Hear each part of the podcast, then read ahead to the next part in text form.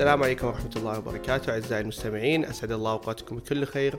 محدثكم محمد القاضي وهذه حلقة جديدة من بودكاست قشاش معاي أخوي العزيز فهد القاضي أبو شايع كالعادة. حياك. هلا والله أبو شاكر حياك. وبك. عنك أبو شايع. بخير ونعم الحمد لله. اليوم عندنا أربع مواضيع إن شاء الله. مواضيع طبعا دارجة بين المحلية والأوروبية. نبدأ بموضوعنا نوعا ما محلي. ذكرت صحيفة التايمز البري- البريطانية وجود مفاوضات متقدمة حول عقد رعاية شركة أرامكو السعودية للاتحاد الدولي لكرة القدم الفيفا. آه، حدثنا أبو شاي عن تفاصيل هذه الصفقة يعني حسب اللي ورد في الإعلام سمعنا عنها كثير. آه زي ما ذكرت أنت هي طالعة بال- بالتايمز طلعت قبل حوالي أسبوع أو 10 أيام.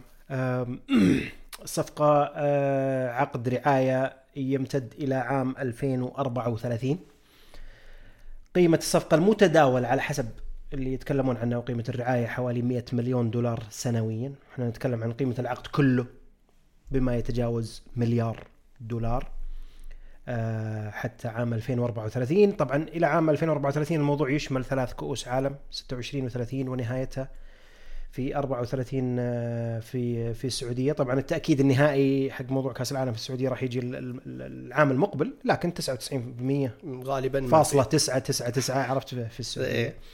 الكلام اللي يدير يدور في في الإعلام إنه هذا أعلى عقد رعاية للفيفا في التاريخ حاولت أرجع أنا لبعض العقود السابقة إني بس آخذ منها يعني بعض التفاصيل عن قيمتها طبعا صعب إنك تصل إلى قيمة عقود لأنها غير معلنة لكن في بعضهم اللي على نفس ال level اللي راح يكون مع رامكو اللي هم ال elite partners اللي عرفت اللي إيه، أعلى ال top. اي. ال top tier أعتقد يسمونها بالفيفا أو ال partners كان يعني أعتقد قبل آه، سبع سنوات أو ثمان سنوات كانت مثلا فيزا فيزا لها سنوات مع الفيفا ماكدونالدز آه. إي آه فيزا كان في توقعات إنها كانت تدفع حوالي 30 إلى 35 مليون يورو آه الكلام هذا قبل قبل كم سنة ف ف فرق فرق كبير. إي إيه. فرق كبير آه لكن ما تدري وش حيثيات ال 100 مليون هذه وش تشمل فقد يكون فيها مزايا يعني زيادة لموضوع أرامكو وخصوصا أن نهاية العقد ينتهي باستضافتها في السعودية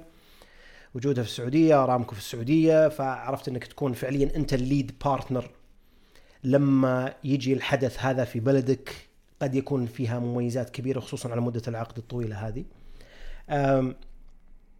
طبعا كؤوس العالم على مر يعني سنوات كثيرة وعلى مر يعني نسخ كثيرة سابقة لابد من وجود راعي محلي لكأس العالم. سواء ك lead partner من ال partners الكبار أو حتى يسمونهم ال local partners. فشفنا مثلا ب 2018 في روسيا كان في غاز بروم شركة النفط الروسية في 2022 كان في الخطوط القطرية وفي قطر إنرجي للطاقه فوجودها في السعودية يعني أرامكو وجودها حتى عام 2034 أم، واضح إنها تكون قد تكون إحدى الشركات المحلية. ممكن إذا جاء وقتها في كأس العالم 34 نشوف تلقى شركات محلية. ثانية. طبعا آه، ال- الخطوط القطرية بدأت من 2017 بس اجيبها كمثال من 2017 وكانت على أساس إنها بتغطي كأسين عالم 2018 و2022 بالإضافة إلى كأس العالم النسائية وكأس القارات.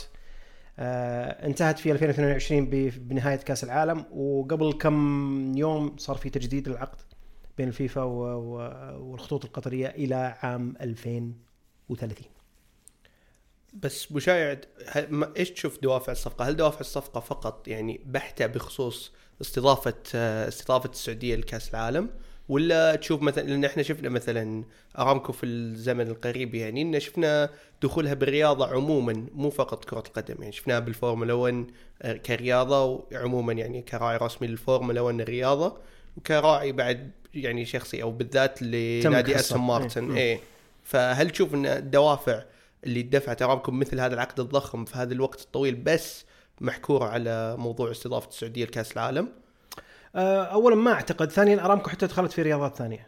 آه، الكريكت الجولف آه، بعد موضوع خصخصة الأندية السعودية الآن القادسية.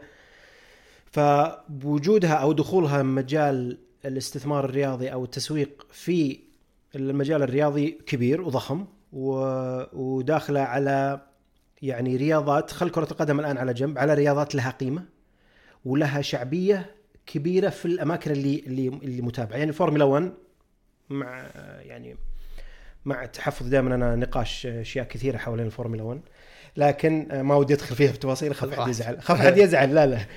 فورمولا 1 مشاهدة في أماكن كثيرة حول العالم مختلف الجنسيات. وبازدياد. وبازدياد. موضوع الكريكت أنت قاعد تتكلم حتى عن الدوري الهندي الكريكت الدوري الهندي. تتكلم متابع. عن عدد ضخم جدا للرياضة الأولى في الهند. تكلم آه، عن ال- ال women golf آه، واحدة من واحدة من الدورات أو أحد البطولات أو حاجة زي كذا آه، دخولها الآن في القادسية. فالموضوع كبير وواضح إنه في توجه وفي نظرة معينة داخلة على الموضوع هذا في مجال الرياضة. لكن إذا أنت بتسألني عن موضوع دوافع أي يعني آه، شراكة تجارية أو رعاية مع إني ما أحب اسميها رعاية بس يعني شراكات أفضل كتسمية أنا بالنسبة لي في مجال الرياضة آه، لأنه فعليا فيها فائده للطرفين ما هي فقط رعاية وأموال و... إذا أنا بتكلم عن دافع يعني لو تجي أنت بتتكلم تقول لي والله أرامكو ترعى الفيفا طب أرامكو وش تبي من الفيفا؟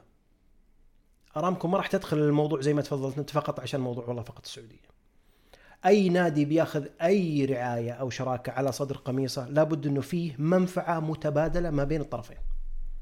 الموضوع ما هو فقط دعاية وإعلان، ودائما أنا عندي مشكلة هذه حتى مرات عندنا هنا في السعودية إنه الموضوع دعاية وإعلان. بس تفضل حط الدعاية حقتي على صدر القميص وهذا المبلغ وانتهى الموضوع. ما في شراكة حقيقية، ما في تفعيل للشراكات، ما في فائده للطرفين. إذا بتجي للأندية وبرجع لموضوع أرامكو بتجي لموضوع الأندية أنا دائما أرى انه الرعاية الصحيحه أو الشراكة الصحيحه زي ما قلنا فيها منفعة للطرفين لكن إذا أنت بتدخل على نادي معين فمن ضمن أهدافك الرئيسية مو كلها من ضمن أهدافك الرئيسية أنك تدخل على القاعدة الجماهيرية للنادي. على ال audience حق النادي من اللي بيتابعون النادي هذا من اللي يحضرون المباريات؟ من اللي يتابعونه على السوشيال ميديا أنت هذا هدفك أنك تصل للشريحة هذه من الناس اللي تسوق لها ال brand حقك ومنتجاتك وخدماتك عن طريق النادي مو بس دعاية عشوائية مو فقط دعاية. إيه. في نفس الوقت طبعا النادي بيكون مستفيد من ناحية عوائد مادية وحتى فرص إنه آه، يعني آه، يعني يستغل هال هالشراكات هذه حتى إنها تكون طويلة المدى مستقبلا إذا فعليا ال- الطرف الراعي شاف فائده منها. فدخولك على أي يسمونها sports property نادي آه، بطولة منشأة اللي هو. أنت بتدخل فيها لأنك وراك audience أو target audience أنت تبغاه هو اللي فعليا يبي يفيدك. نجي بأخذ مثلا مثال بسيط جدا. ودائما أنا أضربها مثلا مثلا آه، شراكة موبايلي مع الهلال. موبايلي دخلت الهلال تبي جمهور الهلال.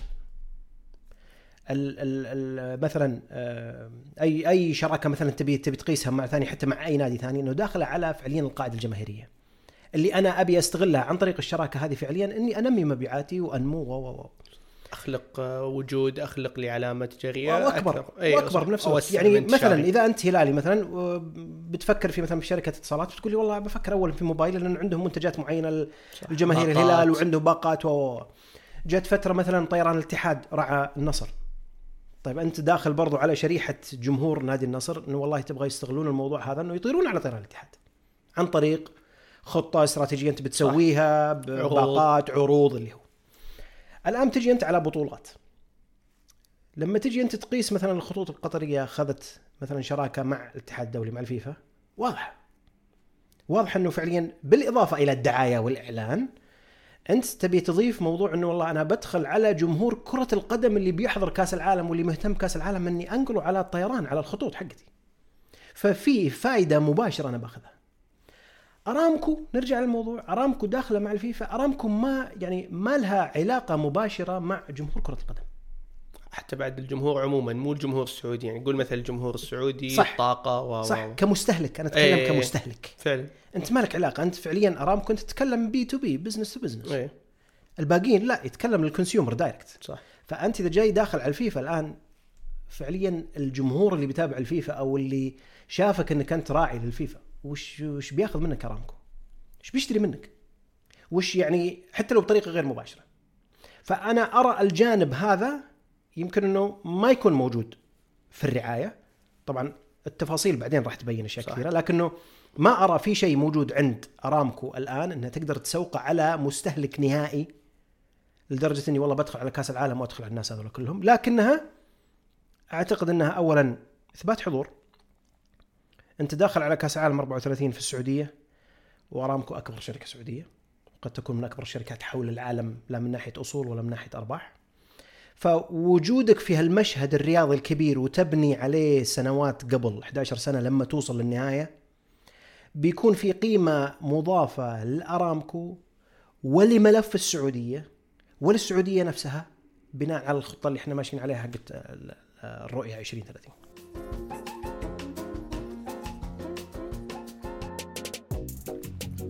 موضوعنا الثاني أبو شايع اللي هو آه، تسمية الملاعب أو حقوق تسمية الملاعب في المدن الرياضية.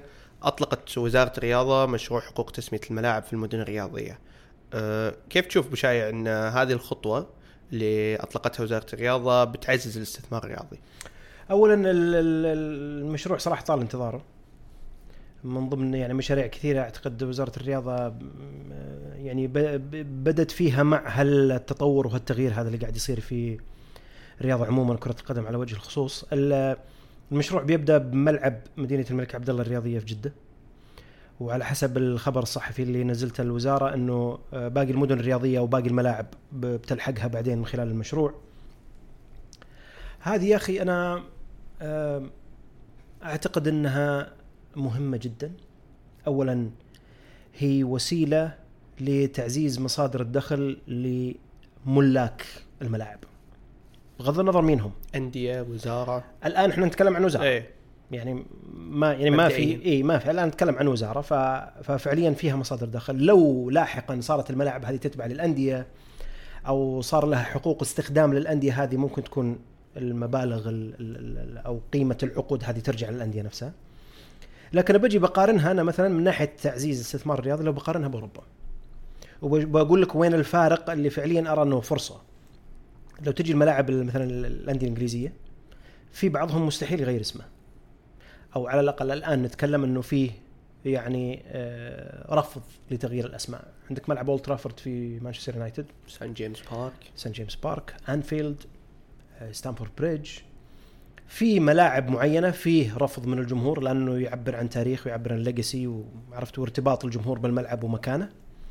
ولا أنت تتوقع إنه عرفت اللي ملاك أمريكان جايين يبي يبيعون أي حاجة؟ عرفت لو إيه. ممكن يبيع لك عرفت علامه الركنية لو بغى أحط عليها علامة يعني. على أو مايك أشلي بنيوكاسل أو أو إيه. إيه أو كذلك. فتشوف في الأندية الأوروبية اللي كان لها تاريخ ولها legacy كثير مرتبط باسم الملعب صعب إنك تغيره الآن. أرسنال ما غير إلا يوم نقل Emirates Stadium. توتنهام الآن يحاول إنه عرفت يلقى sponsor لأنه طلع من وايت هارت لين. في بعضهم في صعوبة. أنا ما أقول لك إنه يعني إنها مستحيلة لكن بتلاقي دائما آه، يعني عرفت اللي رفض من- معوقات. إيه، إيه. معوقات ورفض من ال culture اللي موجود حق الأندية. حنا ما زالت حتى الآن المدن الرياضية كمدينة. الآن طبعا الأندية كلها قلبت على أساس انهم مدن رياضية. مدينة الملك فهد الآن آه، ملعب استاد الملك فهد بيصير من ضمن المدينة الرياضية. آه، ملعب الأمير عبد الله الفيصل بيصير ضمن المدينة الرياضية وكذلك ملعب وكذلك مدينة الم- الملك عبد الله. فأنت حافظت على المدينة الرياضية لكن داخل الملاعب مو فقط كرة القدم بإمكانك إنك تبيع حقوق التسمية حقتها كلها. ترى ما نتكلم عن كرة قدم فقط صح. إحنا نتكلم عن مدن ها؟ المدرج بعد ساعات في مدرجات ممكن. تباع حقوق تسميتها. بالضبط. لكن أنت تتكلم عن مدن فأنت داخل المدينة في ملاعب كثيرة. يعني أنا الأسبوع الماضي أنا بجده دخلت ملعب دخلت يعني المدينة الرياضية حق مدينة الملك عبد الله. في ملاعب كثيرة. في ملعب الرديف في الملعب الأساسي في عندك ملاعب المغطاة في عندك أشياء كثيرة ممكن تسميها كلهم داخل منظومة مدينة الملك عبد الله الرياضية. نفس الشيء بينطبق على الباقيين. وكلهم غالبا تسميات جديدة. يعني مثلا بتجي أنت على مثلا مدينة الملك عبد الله. أنت تسميه ملعب مدينة الملك عبد الله. الملعب الرديف في مدينة الملك عبد الله. ما لها مسميات سابقة. إنك تقول والله في لقسي حاضر ولا والله الناس تعودت عليه وال... اللي هو. تقدر تسميه الآن وتعطيه إياه من ضمن منظومه المدينة اللي أنت فيها.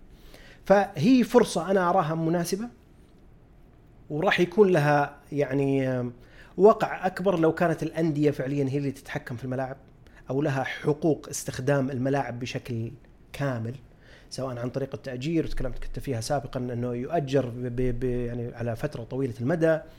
الوزارة تطلع من موضوع الهدك حق الصيانة ومتابعة الملاعب وتصير خلاص عرفت؟ ك- ك- الأندية اللي. قادرة. اي الأندية اللي قادرة إنها والله تستخدم الملاعب هذه بعقود طويلة الأجل يصير من ضمن حقوقها تسمية الملاعب.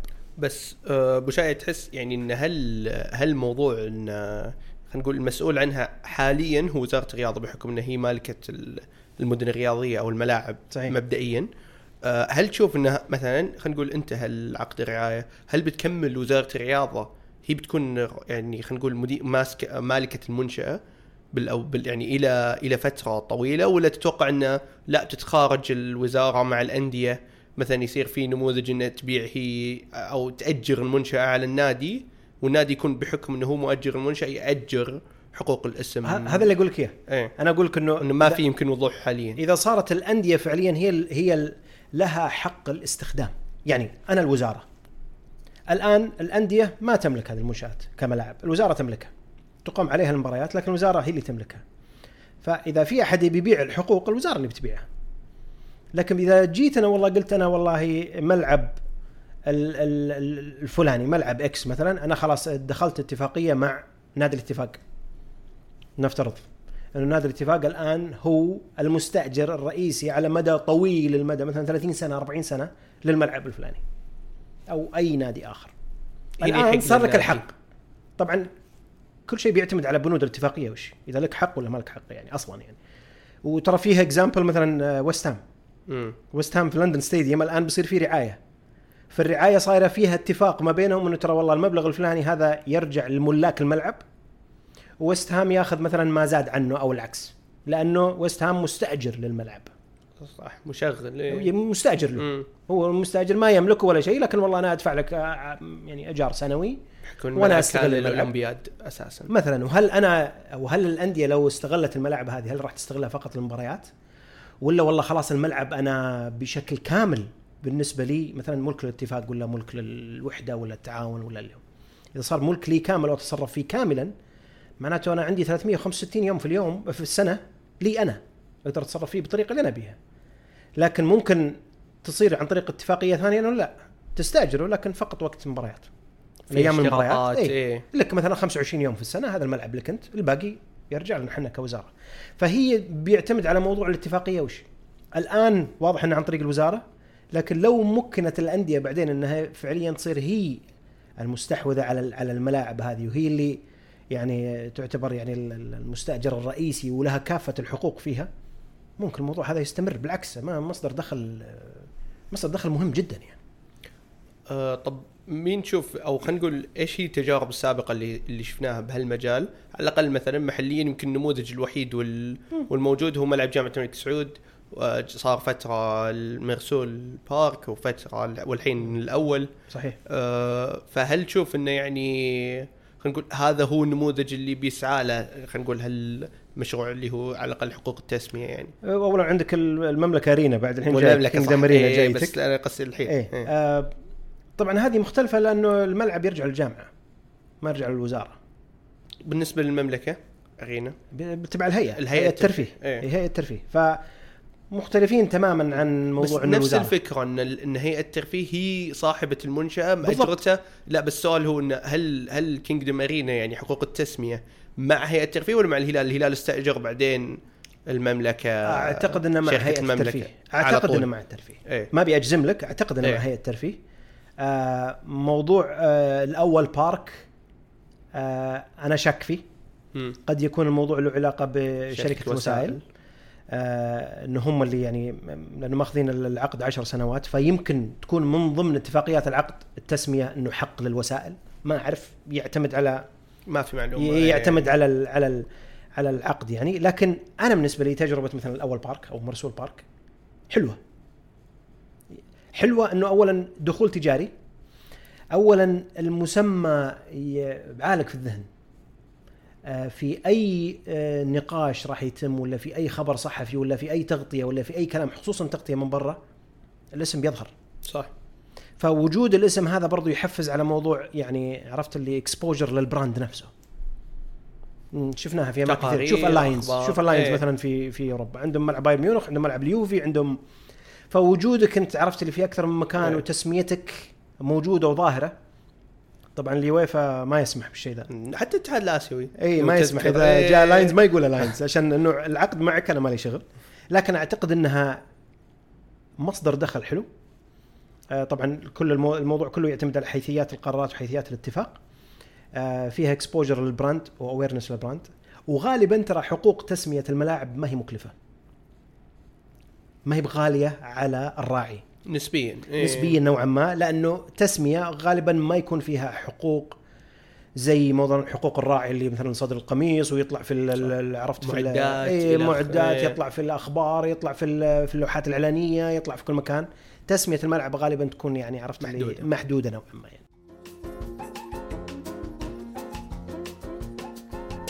ننتقل اوروبيا أبو شايع. أعلنت رابطة البريمير ليج عن عن عن إيقاع لجنة مستق- مستقلة عقوبة آه، عقوبة الخصم بعشر نقاط من رصيد نادي إيفرتون في الدوري نتيجة مخالفة قواعد الربحيه آه، والاستدامة اللي هي إحدى قوانين اللعب المالي النظيف وجعلته في المركز ما قبل الأخير في الدوري الإنجليزي. طبعا هذا قبل الجولة الأخيرة بس بحكم إن الفريق خسر فما تضرر.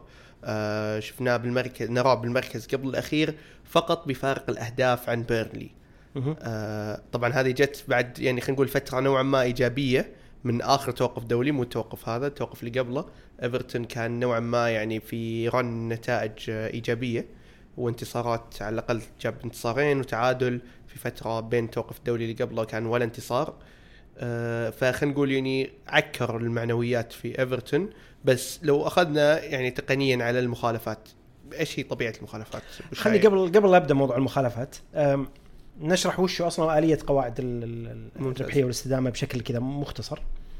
آه الهدف منها زي ما تكلمنا أول عن سالفة يوم تذكر يوم تكلم عن الدوري الإسباني إيه وال financial controls الهدف منها فعليا استدامة الأندية وانها ما تدخل في خسائر كبيرة وقروض كبيرة و الآلية هذه ال profitability and sustainability rules خاصة بالدوري الإنجليزي تسمح بخسائر 105 مليون pound في مدة ثلاث سنوات. يعني كأنك تقول كل سنة 35 مليون pound في الظروف الطبيعية. الطبيعية. إيه. 105 لكل ثلاث سنوات يعني rolling 3 years إذا أنت جيت دخلت على السنة اللي عقبها تلغى السنة الأولى وتدخل الثالثة معها بالضبط. بعدين رحت اللي وراها تلغى الثانية وتدخل عرفت؟ واضح. ثلاث إيه. سنوات يعني آه، مستمرة آه، 105 مليون طبعا فيها تفصيل معين من ناحية الخسائر اللي ممكن يغطيها الملاك أو لا ال- الآلية هذه صار فيها تعديل نوعا ما شوي وقت الجائحة. عشان تغطي كل هال ال- ال- يعني ال- المشاكل دمجت سنتين أعتقد دمجت آه، سنتين في سنة أو إي وأعتقد اليويفا نفس الشيء ما أدري. هو اليويفا كلهم أو أو واحد منهم لكن صار في تعديل عشان بس يرخون الموضوع شوي آه إيفرتون انتقلت ملكيته إلى فرهاد مشيري في 2018 ومع جيته كان في توجه واضح وكبير إنه إيفرتون لابد إنه يكون من ضمن ال top الأندية التوب في الدوري الإنجليزي. مع بدايته كان في صرف كبير جدا على موضوع لاعبين على موضوع مدربين. وكذلك كان في رؤية موضوع إنه الملعب الجديد حق إيفرتون ملعبهم قديم جدا. آه وما ي- يعني ما يستحمل يعني على كلامهم كمية الطلب اللي موجود من جماهير إيفرتون. آه ملعب صغير جدا أعتقد أقل من 40 ألف. آه الملعب الجديد كان على أساس إنه أكثر من 50 فصار في صرف كبير. الرابطه الدوري الإنجليزي جت تحلل فترة الثلاث سنوات هذه اللي تنطبق عليها آلية ال- القواعد الربحية والاستدامة وحللت ما بين 2019 و2022 وجدت الرابطة إنه خسائر إيفرتون. طبعا خلينا عشان نوضح. الموضوع مو فقط صافي خسائر في مصاريف ما تدخل في حسبية الر- في حسبية ال- حسبة الربحية والاستدامة. أي مصاريف تدفع مثلا على بنية تحتية ما تدخل. أي مصاريف مثلا تدخل على كرة القدم النسائية ما تدخل. أي مصاريف تدفع على أمور مسؤولية اجتماعية ما تدخل. فإذا قال لك والله الفريق خسران 200 مليون مو معناته إنه مو متوافق. هو فعليا بعد ما تعدل على حسب قواعد الربحية والاستدامة هل تجاوز ال 105 ولا لا؟ فحللت الرابطة الفترة هذه من 19 ل 22 وشافت إنه خسائر إيفرتون 124 مليون تجاوزت ال 105 يعني 124 ونص عشان نكون يعني واقعيين. ففي تجاوز بحوالي 19 مليون ونص مليون pound اتهمت الرابطة ال- ال- ال- إيفرتون إيفرتون رفض الموضوع هذا تماما من البداية وذكر إنه كل الخسائر هذه لو أخذنا بالحسبان موضوع الجائحة وموضوع الترتيبات اللي حطتها رابطة البريمير ليج إحنا ما زلنا من ضمن يعني within موضوع ال 105 مليون. وناوي يستأنف. اي آه لا قبل قبل كل شيء. إيه. اي طبعا بيستأنف آه، أكيد بس قبل لا يجي ال charge الفعلي يعني كانت اول بالأول كأنها اتهام. آه صار في التحقيق صار تحقيق في أكتوبر. ومن من آه لجنة مستقلة ثلاث أشخاص. البريمير ليج ما له أي علاقة. يعني البريمير ليج يقول ان هذه لجنة مستقلة وهي فعليا على كلامهم ما لها أي علاقة ولا لها أطراف من البريمير ليج. بعد التحقيق آه إيفرتون بعد ما كان رافض الموضوع أقر بالموضوع لكن مو بنفس القيمة. يعني قال للبريمير ليج إحنا ما إحنا نقر إنه تجاوزنا ال 105 مليون. لكن ما تجاوزناها ب 19 مليون ونص. تجاوزناها في حدود من 8 إلى 10 مليون. إيفرتون شلون يسبب أسباب إيفرتون؟ بشكل عام جدا. طبعا في أشياء كثيرة وفي مواضيع تندرج تحت مواضيع أخرى لكن بشكل عام. إيفرتون حاط تقريبا كأنه أربع أسباب رئيسية. أنا بنظرتي أنا الشخصية. اولا تأثير الجائحة. وتكل وتكلموا حتى في وقتها لما طلعت أول ميزانيات الإيفرتون بعد الجائحة إنه مبلغ خسائر كان ضخم جدا جدا. أعتقد إيفرتون ترى هو ثالث أكبر نادي في تاريخ البريمير ليج تحقيق خسائر. بعد تشيلسي وسيتي. مم. على مدى يعني إيه، على تاريخ. البريمير ليج كله. فكان كلامهم إنه والله تأثير الجائحة أعتقد كان 170 مليون. أعتقد حاجة زي كذا الرقم 170 أو شيء. وكان هذا عرفت اللي محل شك إنه وش اللي 170 مليون. متضخمة. أو اي مو مو طبيعي شلون يعني. خسرتوا إيه. 170 مليون بسبب ال- يعني بسبب الجائحة؟ أوكي الملاعب تقفلت. أنتم ما تجيبون 170 مليون من الأساس إيه. من تذاكر المباريات. التي في ال- ال broadcasting تأثر بسيط وصار في rebates بسيطة بس ما توصل إلى المبلغ هذا. بتجي عن بتجي ال- ال- الموضوع ال- الأمور ال commercial والامور التجارية. حتى لو جمعتهم على بعض ما تجي 170 من وين جت 170 فكان في تبرير من من إيفرتون إنه اولا أسباب الجائحة. هذا واحد. اثنين في مبلغ صرفه إيفرتون تقريبا 54 مليون pound على الملعب الجديد. هم يرون إنه المبلغ هذا لابد إنه يكون يعني to be capitalized رسملة. المبلغ هذا إنه ما يعتبر مصروف لأنه أمام مشروع. يعني تطوير أصل من أصول النادي. أي. فمفروض إنه ما يعتبر كمصروف وهو مسجل كمصروف الرابطة ترى كمصروف الرابطة ترفض الموضوع هذا لأنها تقول إنه أي مبلغ صرف على ملاعب قبل ما النادي ياخذ الترخيص الرسمي من بالبناء البلدية ومن الترخيص. الرسمي فاينل ترخيص رسمي إيه. يعتبر مصروف أي شيء تصرفه بعد الترخيص معناته إنه مشروعك قائم ووفق عليه تقدر تسوي لها رسملة ذكروا أنه هذا المبلغ لا وله علاقة بفوائد والرابطة ترد عليهم أنه هذه فوائد فعليا من قروض اعطاها المالك فرهاد مشيري وأنه الموضوع هذه يعني فوائد على قروض المفروض أنها تسجل كمصروف. إيفرتون رافض الموضوع هذا. هذه النقطة الثانية رسملة نفقات الملعب. شيء ثالث آه، يتكلمون عن حرب روسيا وأوكرانيا. واحد من ال partners حقين فرهاد مشيري أوسمانوف آه، كان يعني كان مالك الارسنال قبل هو حس عنده حصة في في أرسنال ودخل مع فرهاد مشيري وكان موقع اتفاقية مع إيفرتون لخيار ها؟ خيار. إنه دافع هو أعتقد 30 مليون باوند عشان يأخذ خيار تسمية الملعب. خيار التسميه فقط. الملعب الجديد. الجديد. إيه. الخيار. يعني 30 مليون دافعها بس كذا عشان يعطى الفرصة الأولى لتسمية الملعب. مو معناته إنه بياخذ تسمية الملعب. يمكن العرض اللي قدمه ما يكون مناسب. لكن في ناس رأوها في ذاك الوقت إنه 30 مليون كانت دعم لإيفرتون بطريقة معينة. إنه بس سمها خيار وبس دخل 30 مليون على إيفرتون. الآن آه، في عقد ما بين إيفرتون وما بين الشركة حقت أوسمانوف. آه كانت لمدة 20 سنة ب 10 مليون pound سنويا. مفروض إنها تبدأ من عام 2025 وإيفرتون يقول بسبب ظروف الحرب في روسيا وأوكرانيا بما إنه روسي وت يعني صار في عقوبات. عقوبات إيه. وتجميد للمبالغ اللي لا و و و فاضطروا يكنسلون يكنسلون عقد الشراكة هذا اللي بينه ال 10 مليون. فجو البريمير ليج يعني قالوا زي هذاك طب في 25 يبدأ في 25 قالوا لأنه كان عندنا نية إن إحنا نقدمه إلى 2022 فهذه 10 مليون كنا خسرناها سنويا أثرت على ميزانياتنا. الشيء الرابع والأخير سوق الانتقالات.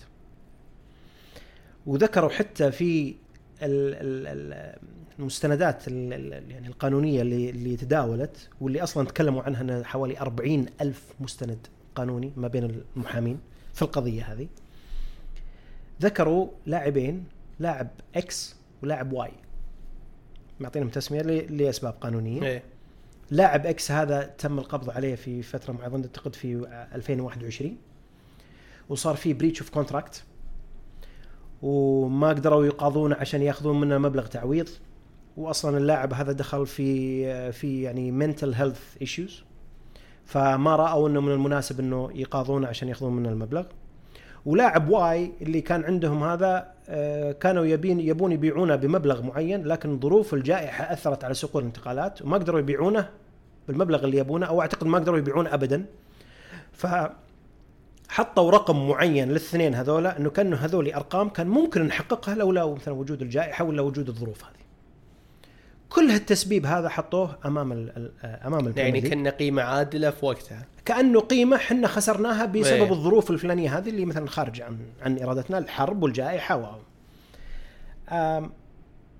كل هذه تقريبا في أشياء كثيرة ال- البريمير ليج عاد النظر فيها آه، سمح بأشياء معينة وترك أشياء معينة يعني مرفوضة لكن حتى بعد الرفض ما زال المبلغ إيه أكثر أكثر من. المسموح فيه إيه. أكثر من المسموح فيه البريمير ليج قالوا طلع فيها ريتشارد ماسترز ال CEO قال إنه بداية يعني هذا اللي أنا عندي علامة استفهام عليه.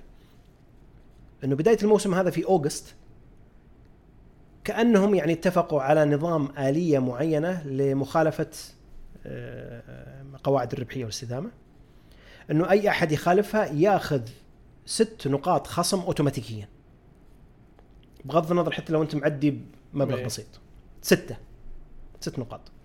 بعدين يخصم منك نقطة زيادة على كل خمسة مليون أنت خالفت فيها. فإيفرتون كأنه تقريبا 20 مليون أخذ أربع نقاط زيادة عن كل خمسة زائد السته كأنه أخذ 10 نقاط. فنزلوا عليه العشر نقاط هذه. آه الايفرتون رابطه الدوري ال- الإنجليزي ترى أنه عقوبة النقاط هي الحل الوحيد. إيفرتون رد. قالوا بما أن المخالفات مالية فلا بد أن العقوبة تكون مالية. ما أو- يدخل نادي على الملعب يعني طرف فيه هذا رأيهم. أو في أسوأ الأحوال انه تكون عقوبة في سوق الانتقالات. فترة فترتين ثلاثة منع. ما يتم مم. فيها آه، ما يتم فيها سوق هذا بي يعني باختصار شديد إيش اللي صاير؟ بريمير ليج رفض الموضوع أو حط العقوبة. ما أقتنع بمسببات إيفرتون. وإيفرتون أنا برأيي شخصي فيه في شك في كل التسبيب اللي هم قالوا. إيه. إيه في شوي زيادة عن اللزوم لكن يعني في النهاية هذا اللي إحنا سمعنا رأي البريمير ليج رأي إيفرتون. طب رأيك ابو شايع ال- تحس العقوبة مغلظة؟ يعني هل أنت تتفق مع رأي إيفرتون إن العقوبة مالية؟ العق... يعني عفوا التجاوز كان مالي فالعقوبة من نفس ال... يعني خلينا نقول الجزاء من جنس العمل العقوبة بعد مالية. شوف أنا ضد أي عقوبة خصم نقاط. إلا في حالة واحدة إذا صار في تلاعب في الملعب. ولا- لا لا صار تلاعب في الملعب. لا لا. لا يعني القضية الأولى حقت كالتشيبولي كانوا يتكلمون أنه تلعب في الملعب إيه. وتحكيم وما تحكيم وصار في عقوبه مستحقه آه، هذا نقاش آخر مستحقه ما نناقش فيها. المبدأ مستحق يعني. آه لكن أنت أخطأت في الملعب تعاقب في الملعب. أخطأت برا الملعب تعاقب خارج الملعب. أنا مؤمن إنه يعني آه خطأك مالي عقوبتك مالية. لكن لكن وتحط تحت لكن هذه مليون خط. الأندية الكبار اللي عندها ملاءة مالية ممكن تقول لك أنا بخالف وبدفع الغرامات وبمشي ما يهمني. الأندية اللي تحت اللي تأثرت باللي سواه إيفرتون وشفنا في أندية احتجت على إيفرتون آخر سنتين ثلاث سنوات من بينهم ليستر من بينهم ليدز من بينهم بيرنلي إنهم هبطوا قالوا إن إحنا هبطنا بسبب يعني ما. سوينا تجاوزات. ما سوينا تجاوزات آه، غيرنا سوى تجاوز وقعد في مكانه. فإذا أنت أعطيته عقوبة مالية بيدفعها وبيقعد بال Premier League استفاد. لكن لو أعطيته عقوبة خصم نقاط بينزل. فهي هي عرفت اللي يعني تمسك العصا من النص. يعني توازن. تجي أنت بقول لي والله شلون أنت تقابل موضوع إيفرتون هذا؟ والله ثبت الموضوع. اولا بياخذ عقوبة مالية هذا خلصين من الموضوع. إيه.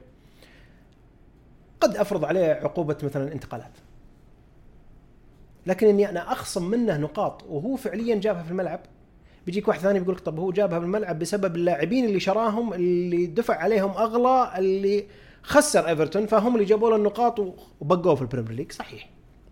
كلام صحيح مليون بالمية لكن ما أجي أنا على طول في أي حاجة أروح خصم نقاط. طب وش ذنب ال... يعني وش ذنب النادي وذنب اللاعبين إذا فعليا والجمهور. الإدارة؟ والجمهور والجمهور، صحيح. إيه. الجمهور أول واحد. إذا فعليا الإدارة أو المالك اللي سواه كذا. يعني المالك أو الإدارة تغلط يعاقب الجمهور يعاقب الفريق واللاعبين. لابد إنه في آلية مختلفة. أتفق مع القرار؟ لا ما أتفق معه تماما. لكن أرى يعني الجزئيات اللي تشوفها ال Premier League إنه هذا الحل الأفضل. لكن أعتقد لابد إنه موجود آلية معينة وتسبيب لكل مخالفة رياضية تصير داخل الملعب أو خارج الملعب. وش العقوبات اللي ممكن تتم عليها؟ طب آه، أبو شاي إحنا سمعنا بعد في الآونة الأخيرة اللي هو البيع على 777 إيه. Partners فهل بيأثر أكيد إنه بيأثر بس إيش حجم تأثير هالعقوبة على على على عملية بيع النادي؟ والله شوف قعدت أفكر فيها أنا. من أول ما حطوا العشر نقاط قلت مستحيل مستحيل إنه 777 Partners ما يدرون عن موضوع الاتهامات. ما- موجودة في كل مكان. وعارفين عنها. ف وجودهم إنه ما زالوا مهتمين بالنادي هم حاطين في الحسبان إنه ترى ممكن يخصم نقاط. وبما أنهم عارفين إنه الموضوع هذا ممكن يتم أو في احتمالية إنه يتم وما زالوا مهتمين في النادي فما أعتقد إنه الآن بما إنها صارت رسمية إنه بيتراجعون عن النادي. مهتمين بال discount يمكن؟ discount أو إنه يكون في conditions شروط. مهم. لو هبط النادي راح يكون واحد اثنين ثلاثة أربعة. لو هبط النادي بترجع لنا المبلغ الفلاني. اللي بيخلينا فعليا حنا نقيم النادي بقيمة Championship مو بقيمة Premier League أو إنه يصير مثلا فيها installment دفعات. أنا بدفع لك دفعات معينة بوقف.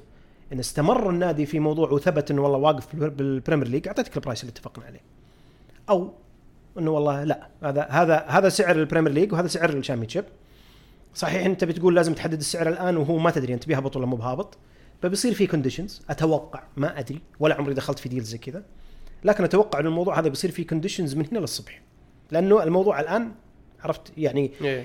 يحتمل نجاح أو فشل الاستثمار بشكل كامل يعني. خصوصا الآن بعد في موضوع الهبوط وموضوع يعني yes. إيه صحيح صحيح طب آه، أبو شاي نفس اللجنة بعد سمعنا أخبار إنها تدرس عن خلينا نقول تجاوزات للسيتي وإحنا شفنا أخبار يعني حتى بالبداية حسيت إنه يعني من الط- الطريفة إنه يقول لك يعني إنه تعينت أكثر من أو يعني حددت أكثر من مئات التجاوزات.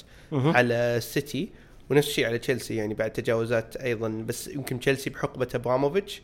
آه طب هل تحس إن يعني في البعض مثلا يرى إن هذه العقوبه إيفرتون مغلظة فعلا بس مغلظة أساس تكون مثال أول علشان لما يجي على السيتي لما يجي على التشيلسي يعني يكون هذه أبعاد المخالفة خلينا نقول يعني ما تستغرب لما تطبق حكومة به- عقوبة بهالحجم على هذه الأندية.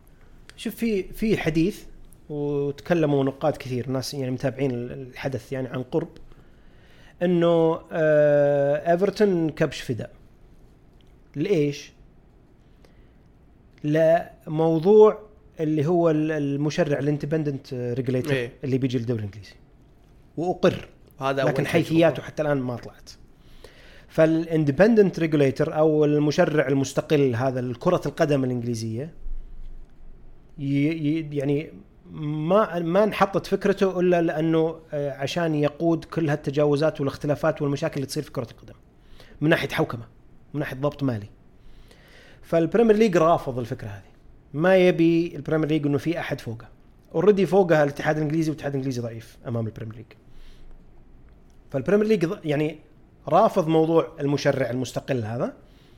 فهي رسالة موجهة للمجتمع الرياضي هذا نقلا عن الناس؟ إيه رسالة موجهة للمجتمع الرياضي إنه حنا يا ال Premier League قادرين ومؤهلين إننا نضبط ونحكم أمورنا وأمور أنديتنا.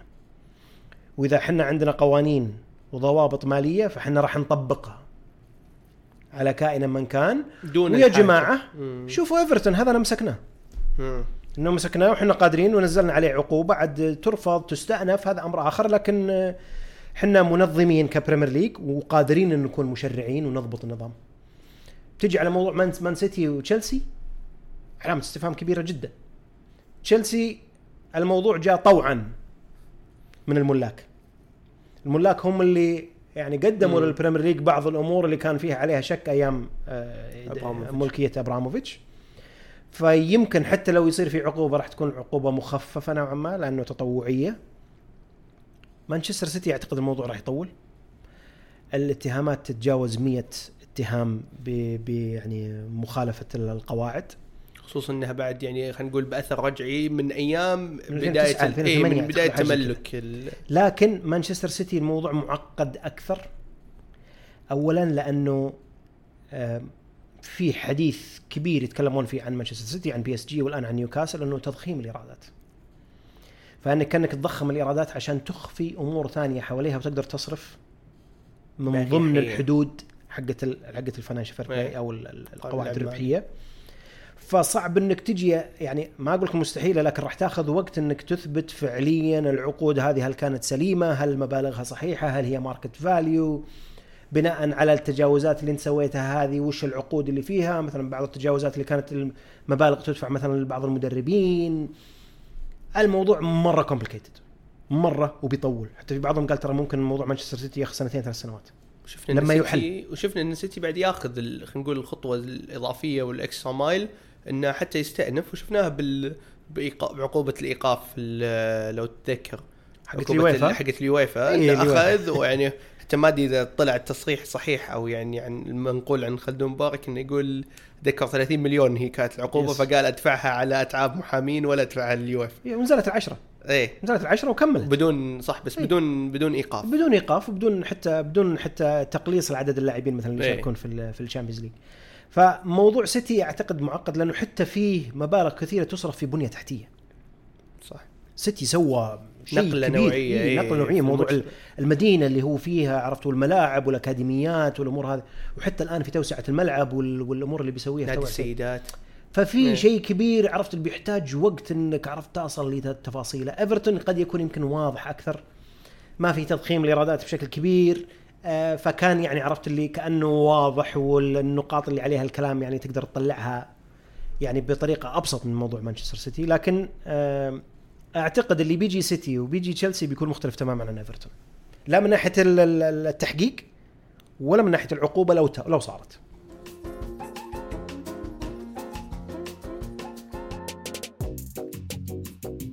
موضوعنا الأخير أبو شايع اعلن نادي مانشستر سيتي عن تحقيق إيرادات تاريخية في العام المالي الماضي. آه، أبو شايع إيش تفاصيل هذه النتائج؟ آه، إيرادات تاريخية صحيح. إيراداته وصلت إلى 713 مليون باوند مقارنة ب 613 مليون باوند تقريبا في الموسم اللي قبله موسم 21 22 أنت تتكلم عن زيادة 100 مليون باوند في سنة قفزة كبيرة جدا. لو بحلل الإيرادات هذه طبعا كلها شهدت زيادة. إيرادات المباريات قفزت من 54 مليون إلى 72 مليون.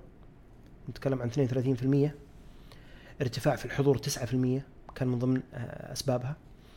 إيرادات النقل التلفزيوني قفزت من 249 مليون إلى 299 مليون بنسبة 20% 114 منها جاية فقط من اليويفا الاتحاد الأوروبي.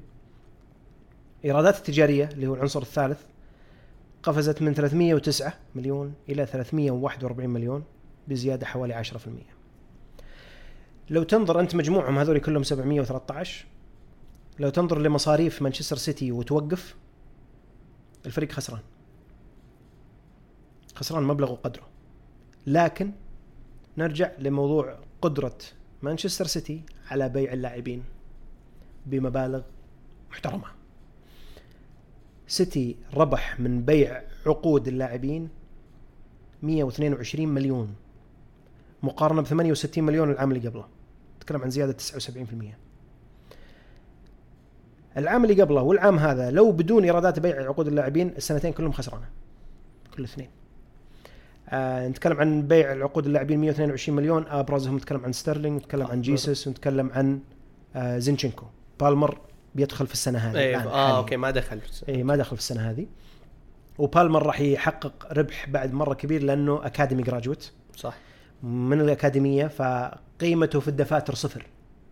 فأي شيء بيدخل لك منه بيكون ربح صافي مرة واحدة بيدخل لك معدل دائما من ضمن القياسات اللي يسوونها في في ميزانيات الأندية أو التحليل الأندية أو أرقامها المالية ينظر إلى تكلفة كرة القدم قطاع كرة القدم مقارنة بالإيرادات فيجمع لك كل رواتب اللاعبين والمدربين. وإهلاك عقودهم. ومصاريف مثلا الايجنتس وكل هذا كله على بعضه كم يمثل من الإيرادات؟ في بعض الأندية تصل إلى 70 80 90% في بعضهم يتجاوز ال 100% أكثر من 100% من إيراداتك كلها فقط رايحة على رواتب ومصاريف قطاع كرة القدم بدون ما أجي لك في المصاريف الأخرى. سيتي في. في. في العام 22 23 معدل تكلفة اللاعبين هذول كلهم مقارنة بالإيرادات فقط 59% وهذا هذه نسبة صحية جدا جدا جدا مع التنظيمات الجديدة حقت اليويفا اللي بي- بيدخلونها أعتقد بداية من السنة القادمة أعتقد أو السنة هذه والله نسيت أعتقد السنة الجاية إنه بيكون الهدف إنه يكون 90% السنة اللي وراها 80% السنة الثالثة تكون 70% ودائما يتكلمون إن 70% هو الخط الصحي إنه 70% من ايراداتك تروح على مصاريف اللاعبين و... ورواتبهم وما شابههم لأنه هم الأصل. صح. الرئيسي اللي, اللي في النادي. سيتي 59 والعام اللي قبله كان 58 فما زال وضعه صحي من الناحية هذه لكن مدعوم ببيع اللاعبين بدون بيع اللاعبين بمبالغ محترمة عالية وقدرة سيتي على تسويق لاعبينه آه، ما راح نشوف ال- ال- الأرقام هذه اللي سجلها سيتي. آه، هل تحس بشايع إن هل هي مرتبطة فقط بحتة بالثلاثيه ولا إنها تحس إنها ربطت ربما لأن هذا أول موسم كامل 100% اللي هو خلينا نقول شفنا فيه الحياة عادت لوضعها الطبيعي بدون اشتراطات كورونا يمكن آه، يعني للأبد تقريبا فتشوف إن هذا الموسم ربما هو اللي ضخمت فيه يعني بغض النظر يعني أو خلينا نقول خلينا نحط موضوع الثلاثية على جنب موضوع إن أصلا الحياة رجعت لوضعها الطبيعي فهذا أيضا ساهم بتضخم الإيرادات. إيش ما بيسميه تضخم إيرادات إيه. زيادة ارتفاع زيادة في الإيرادات إيه. إيه. ارتفاع في الايرادات لكن حتى العام الماضي كان عام سليم مم. يعني ما في ما في ما كان له يعني عواقب موضوع جائحة وما جائحة آه الزيادة الثلاثية تحقيق الثلاثية لها دور طبعا بدون شك مباريات أكثر ودليلك إنه. حتى الإيرادات اللي جاية من الاتحاد الأوروبي العام اللي قبله سيتي كان في ال semi-final طلع في ال semi-final صح من ريال مدريد العام الماضي كان جايب 90 مليون من الاتحاد الأوروبي. السنة هذه وصل لل final مباراة زيادة حقق 114 مليون. أنت تتكلم عن 24 مليون زيادة؟ إحنا كم قلنا زيادة السنة؟ 100 مليون ما بين العام والعام هذا. إيه. إجمالي الإيرادات. ربعها من هالمباراة. من المباراه اللي لعبها ال final. طبعا إنك تحجم الموضوع عشان مباراة واحدة فقط خطأ. طبعا. لأنه العائد اللي يجي من الاتحاد الأوروبي ما هو مرتبط فقط بأنه مباراة واحدة زيادة.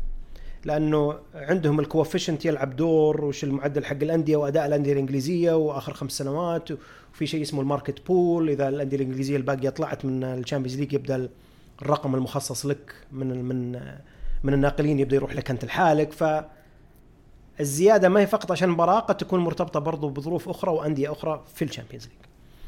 آه هذه عندك 24 مليون. مرتبطة ارتباط تام في موضوع الثلاثية. مو فقط عشان مباراة واحدة لكن مرتبطة بالثلاثية.